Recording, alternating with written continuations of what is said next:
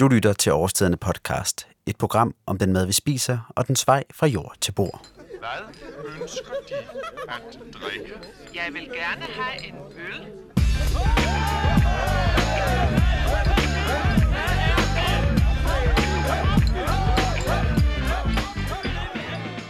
Da jeg var barn, var der et band, som hed Humleriderne. Humleriderne de var en del af den danske rap-scene i midt-90'erne, der var særligt kendetegnet ved at have et uhøjtidligt tekstunivers, som primært handlede om humle.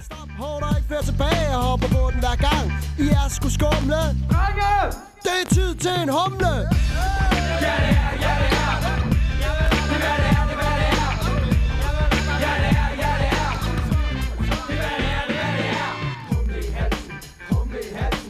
Når humleriderne brugte ordet humle, var det dog blot som en synonym for øl, hvorfor os, der lyttede til humleriderne, ikke fik særlig meget viden om selve humleplanten. Jeg har dog besluttet mig for, at det er på tide, at humlen den får den opmærksomhed, som den reelt har fortjent. For humle er en helt unik plante, som ikke bare giver øllen den her helt fantastiske duft og smag. Den er nemlig også ansvarlig for, at øllen ikke bliver sur og rådner.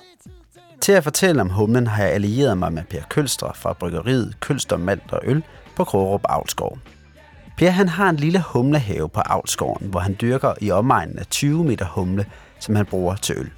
For to uger siden, der inviterede Per så til humlehøst i Humlebæk, hvor jeg sammen med en masse andre mennesker plukkede og snakkede om humle, selvfølgelig med et glas øl inden for rækkevidde. Lad os begynde med at høre, hvad humle er, udover at være en plante, man bruger til øl. Til en humle De fleste af os, vi kender den jo fra, at det er noget, vi drikker i øl. Og det er en rigtig vigtig bestanddel af øllen. Ikke? Det er det, der gør, at øl har sådan en form for bitterhed, som gør, at øllen bliver læskende, samtidig med, at malten den er ligesom sødlig og så videre. Så det spiller sammen. Og i dag så bruger man også humle mere og mere til at give øh, duft og smag, altså det, man kalder aroma. Man kan ligesom begge dele. Ikke? Og fra naturens side, så er humlen en slyngplante. Det er en fuldstændig vild plante. Den kan gå op i 12-14 meters højde. Det er jo ligesom rigtige skovtræer, ikke? Øh, og det kan den i løbet af et forår. Altså, den har en væksthastighed, der er fuldstændig vanvittig. Den kan gro 30 cm om dagen. Man kan nærmest stå og se på, at den gror, ikke? Øh, så det er ligesom det, den kan. Den vokser op i løbet af sommeren, og så forsvinder den om vinteren, så visner den helt væk. Og så skyder den op fra den samme rod igen næste forår. Så det er det, der hedder en stavte øh, i, sådan i, i havesproget, ikke? Øhm, men det der med, at den gror i, i skovkanter, som den gør i naturen, og sådan noget, det dur ikke, når man skal dyrke den.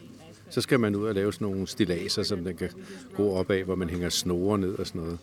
Og så begynder det jo at blive lidt svært. Det er jo ikke ligesom en kornmark, man så nogle frø, og så kører man med en majtaske. vel? Det er et, øh, en kulturplante, som kræver enormt meget håndarbejde. Historisk så har man øh, dyrket humle helt tilbage fra, ja, altså det tidligste, det, det er kendt fra tilbage, helt tilbage fra den tidligste middelalder. Og det er jo i Europa, er det jo før vikingtiden. Altså det er jo nede midt i Europa, der har det været fra 700-tallet eller sådan noget. Og det har man gjort, fordi humlen den gør øllet mere stabilt. Øh, ikke bare det med smagen, men simpelthen det, at den, øh, det gør det øllet meget mere holdbart. Og det har så fortsat op igennem historien og udviklet sig især i det sydlige Tyskland. Øhm, vi kender det fra Bayern, ikke? og udtrykket en bajer. Og det er jo også historien om, at det danske øl, det blev jo også industrialiseret i 1800-tallet. Og der lærte vi ligesom at vende os til, at øh, øllet skulle smage af tysk humle. Jeg stopper lige Per her, for inden vi skal have historien om, hvordan den bayeriske ølkultur kommer til Danmark, vil jeg gerne fortælle lidt mere om, hvordan man har dyrket humle i Danmark.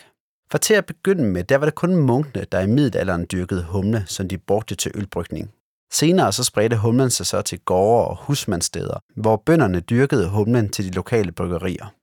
Aarhus Universitet de har forsket en hel del i den danske humle, og de har blandt andet beskrevet, hvordan man indtil for 100 år siden dyrkede op til 1000 hektar humle i Danmark. Humle, som hovedsageligt voksede på Fyn, hvor klimaet åbenbart har været særlig godt. I dag der bliver der stort set ikke dyrket humle i Danmark, og hvorfor det forholder sig sådan, ja, det forklarer Per lige her. Vi havde en dyrkning af humle i Danmark. Øh, den var knyttet til husmandsbrug, til små øh, landbrug, hvor der var en humlekugle, som det hed, og hvor der var et eller andet antal store planter, stod kravlet op af stokke. Øhm, men det var, sådan en, det var sådan en, hvad skal vi sige, historisk kultur. Det var ikke en, der var kommet med ind i den moderne udvikling. Det havde de derimod styr på nede i Bayern. Og øh, da man så ville til at sætte system i det i Danmark, det var så sent som øh, omkring 1. verdenskrig der var vi på, i princippet allerede hægtet bagud af udviklingen. Men Carlsberg, som dengang øh, og stadigvæk jo arbejder meget med forskning, de tænkte, det her, det kan vi godt få styr på.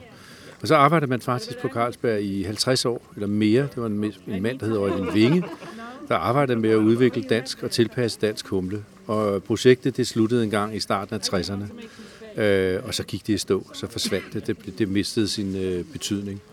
Men altså fordi at det var for, at det ikke egnede sig, eller fordi at det smagte det anderledes? Fordi, eller? Nej, det var simpelthen fordi, at, at det kræver så meget, en så kæmpestor indsats. Ikke bare den der forskningsmæssige, hvor man udvikler en sort, men også hele den teknologi, der er omkring øh, dyrkning af humle. Og det havde vi ikke i Danmark. Vi havde ikke fulgt med.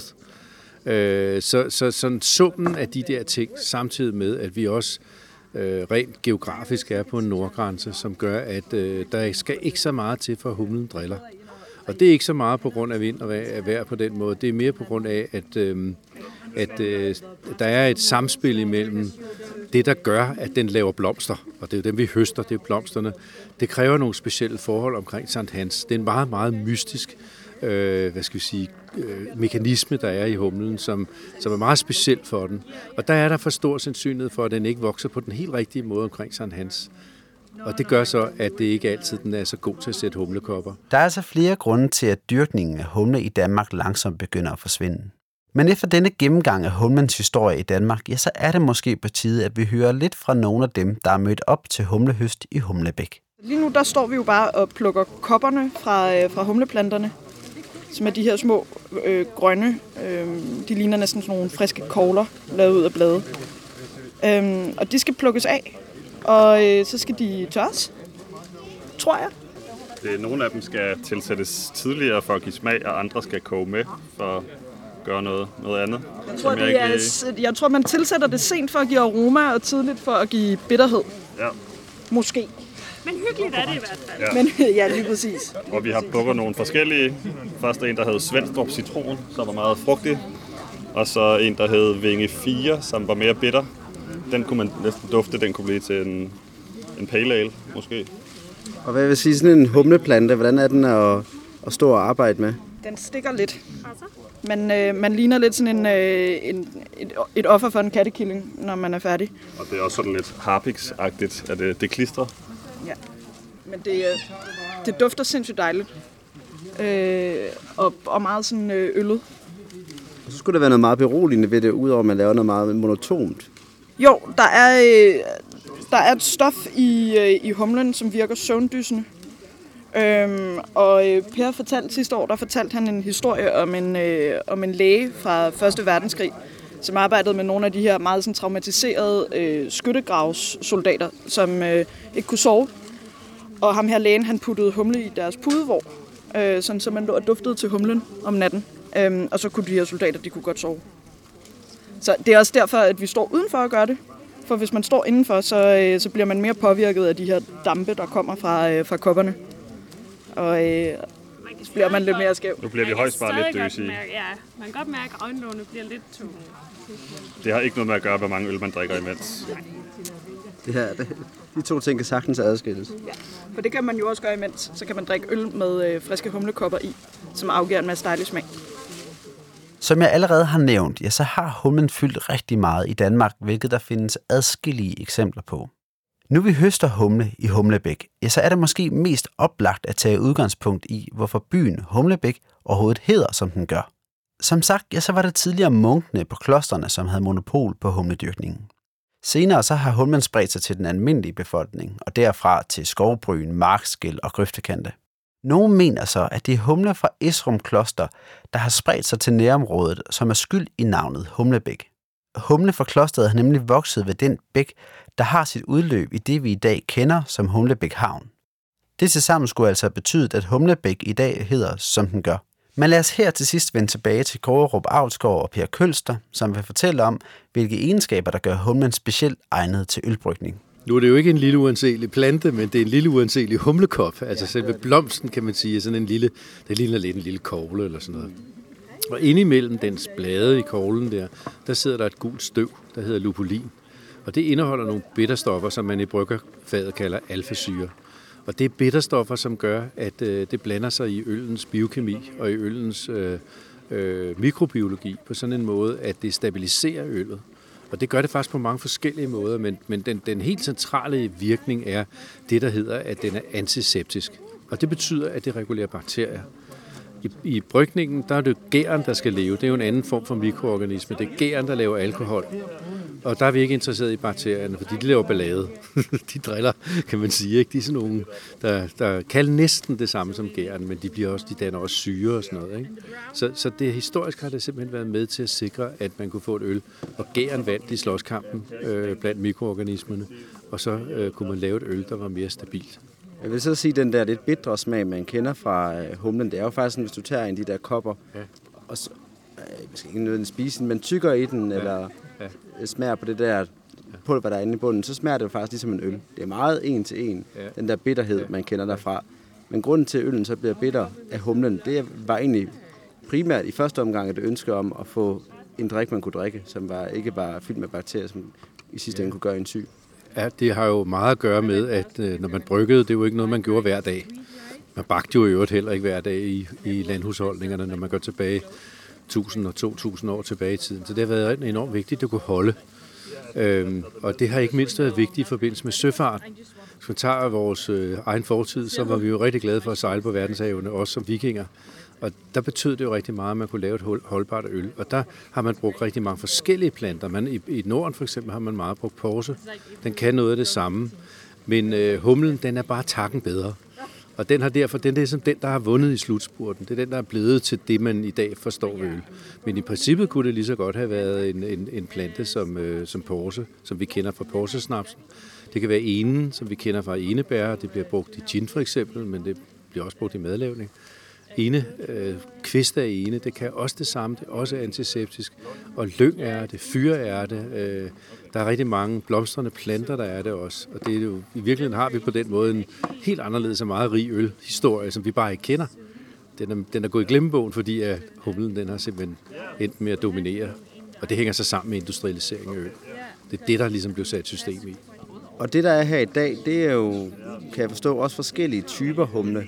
Så der er altså ikke kun én, der er forskellige. Og hvad er det, øhm, de her forskellige humler kan jeg antage, det har noget med smag at gøre?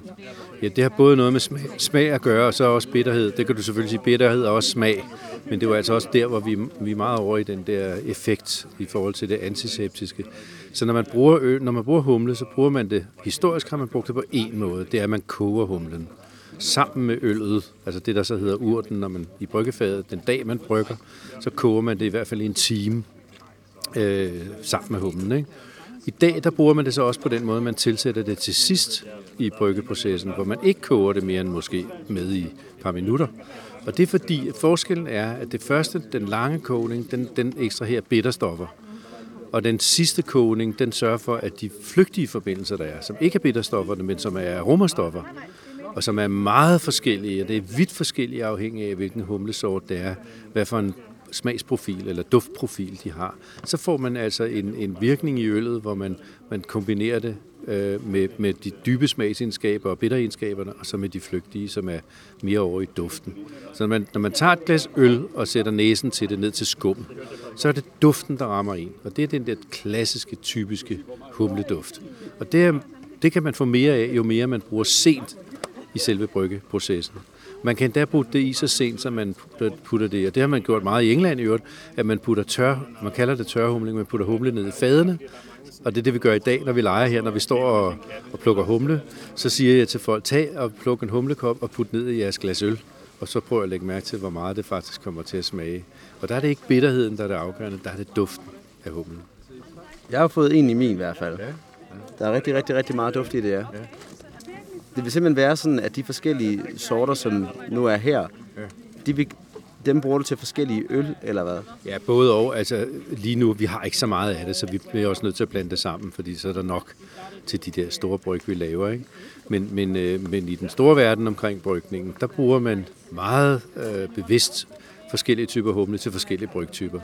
Og det har både noget at gøre med stilarter, altså det er en tysk stil, så er det tysk humle, man bruger, en engelsk ølstil, så er det engelske humler, amerikanske ølstilarter, så bruger man amerikanske humler. Øh, men det er også noget at gøre med, at man har frigjort sig i dag fra den historie, og så bruger man det meget mere anarkistisk. Altså ligesom det moderne køkken, kan man sige, der respekterer man jo heller ikke, om det er fransk, eller tyrkisk, eller meksikansk, eller hvad det er. Altså man, der har man en helt anden tilgang til det. Så vi har, herude har vi stående vel omkring 10-15 sorter. Øh, men vi har så lidt af den enkelte, som sagt, så vi kan ikke gøre så meget ud af det. Men vi tager en, vi har et par stykker, vi har mere af, og den ene, den bruger vi til aroma, altså den der slutkogningen, og så bruger vi en anden en til bitterhed, fordi den har et meget højt indhold af bitterstoffer, så koger vi med den. Så det, Men jeg ved så, I får meget af det humle, I så bruger i øllen, det får I ned fra, øh, fra Sydtyskland. Og der vil der være mange, der vil tænke, hvorfor ikke, øh, nu når I har noget herude, hvorfor ikke øh, skalere det op, gange det med, øh, med 100, og så kun bruge eget dyrket humle? Men det, det kunne vi i princippet godt gøre. Øh, men nu kan du se, vi står, hvad står vi her til 15 mennesker i dag og plukker humle, og vi plukker nok til en 2-3 bryg eller sådan noget, ikke? Og vi brygger jo meget, meget mere på årsbasis. Så vi skulle jo have en her af mennesker, som skulle stå og plukke, og det er jo ikke nok med det, vi skal jo også have dem til at, vi skal passe det hele. Og det man jo, man kan sige, det der er problemet her er, at vi har ikke den teknik, vi har ikke den mekanisering, vi har ikke alle de maskiner, og vi har ikke den know-how, vi har ikke det støttesystem bagved i form af rådgivning og Øh, ja, det er ikke bare sådan at introducere en ny kulturplan i dansk landbrug. Så derfor er det nødvendigt at holde det nede i et eller andet sted, hvor det, bliver sådan det, man kunne kalde hobbyagtigt, eller, eller sådan eksperimenterende, eller for hyggens sjovs skyld. Ikke? Og det siger jo alt andet lige noget, at det er meget dyrere at lave det her. Så når man lægger alt, alle de der ting sammen, så, er det, så vil det være, det vil kun være, hvis man bandt en masse penge i halen på det. Eller man lavede noget øl, der var, ja, det er lige vil sige, at det skulle være 10 gange så dyrt, som normalt øl er. Altså, mindst.